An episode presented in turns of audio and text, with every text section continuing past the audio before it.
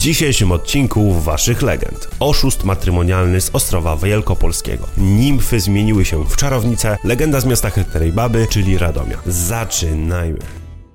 Jak wola wejherowska stała się Wejherowem? Jakub Wejher, ówczesny wojewoda malborski, dzięki przychylności króla Władysława IV stworzył osadę o nazwie Wola Wejherowska. Po upływie siedmiu lat, dzięki szybkiemu rozwojowi, uzyskała ona prawa miejskie. Stało się tak, ponieważ założyciel Wejherowa podczas oblężenia Białorusi cudem uszedł z życiem, a po tym wydarzeniu pragnął odwdzięczyć się Bogu. Uczynił to budując dwa kościoły Świętej Trójcy oraz Świętej Anny, a także budując klasztor i fundując kalwarię wejherowską. Jeżeli chcesz usłyszeć legendy ze swojej okolicy, napisz w komentarzu skąd jesteś. W Nowym Sączu było źródełko, które nigdy nie zamarzało. Na zamku sądeckim straż przy bramie pełnili młodzi rycerze, którzy ginęli bez śladu. Szukano odważnego męża, który odkryłby, dlaczego przepadają bez wieści. Znalazł się taki, uzbrojony w halabardę, stanął nieopodal baszty kowalskiej na straży. Miał też przy sobie kredę święconą i różaniec. Kredą zakreślił wokół siebie okrąg, a różańcem okręcił dłoń. Gdy minęła północ, rycerz usłyszał piękne śpiewy, wyłaniające się ze źródełka nimfy zapraszały go do tańca. Nie wychodząc z zakreślonego kręgu, rzucił różaniec do źródełka. Rozpłysnęła się woda, nimfy zmieniły się w czarownice i na miotłach odleciały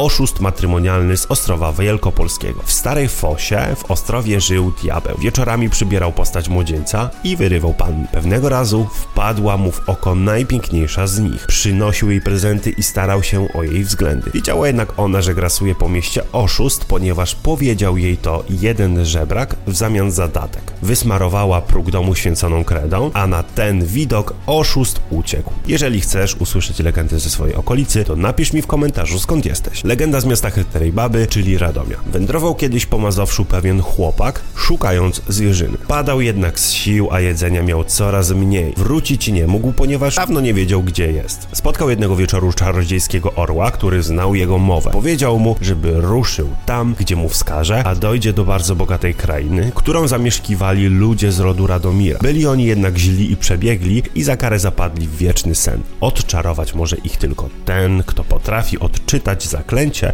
ukryte w szumie drzew. Długo błąkał się chłopak, nie potrafiąc zaklęcia odczytać. Wreszcie zrezygnowany, że rad dom tutaj bym znalazł. Na te słowa zaklęcie straciło swą moc i mieszkańcy zostali odczarowani. Legenda z pierwszej stolicy Polski, której na bank nie znasz. Od czasu upadku powstania listopadowego w pobliżu katedry było słychać strzały, krzyki i inne odgłosy bitewne. Pewien mieszkaniec postanowił zbadać sprawę. O północy zakradł się w okolice świątyni i zobaczył walczących widmowojaków, którzy walczyli ze sobą kilka minut, a następnie znikali. Kolejnej niedzieli odprawiono ku ich pamięci mszę i zakończyli w ten sposób oni spór. W Warcie żyje wodna panna. W Warcie niedaleko Konina żyje rusałka. Korniła ona ludzi od zawsze, choć o tym nie wiedzieli. Nie rzucała się w oczy, rzadko można było ją spotkać, aż o niej zapomniano. Nadal jednak ponoć można spotkać ją nad brzegiem rzeki. Kielce nie zawsze nazywano Kielcami. Pewnego dnia syn Bolesława Śmiałego, czyli Mieszko,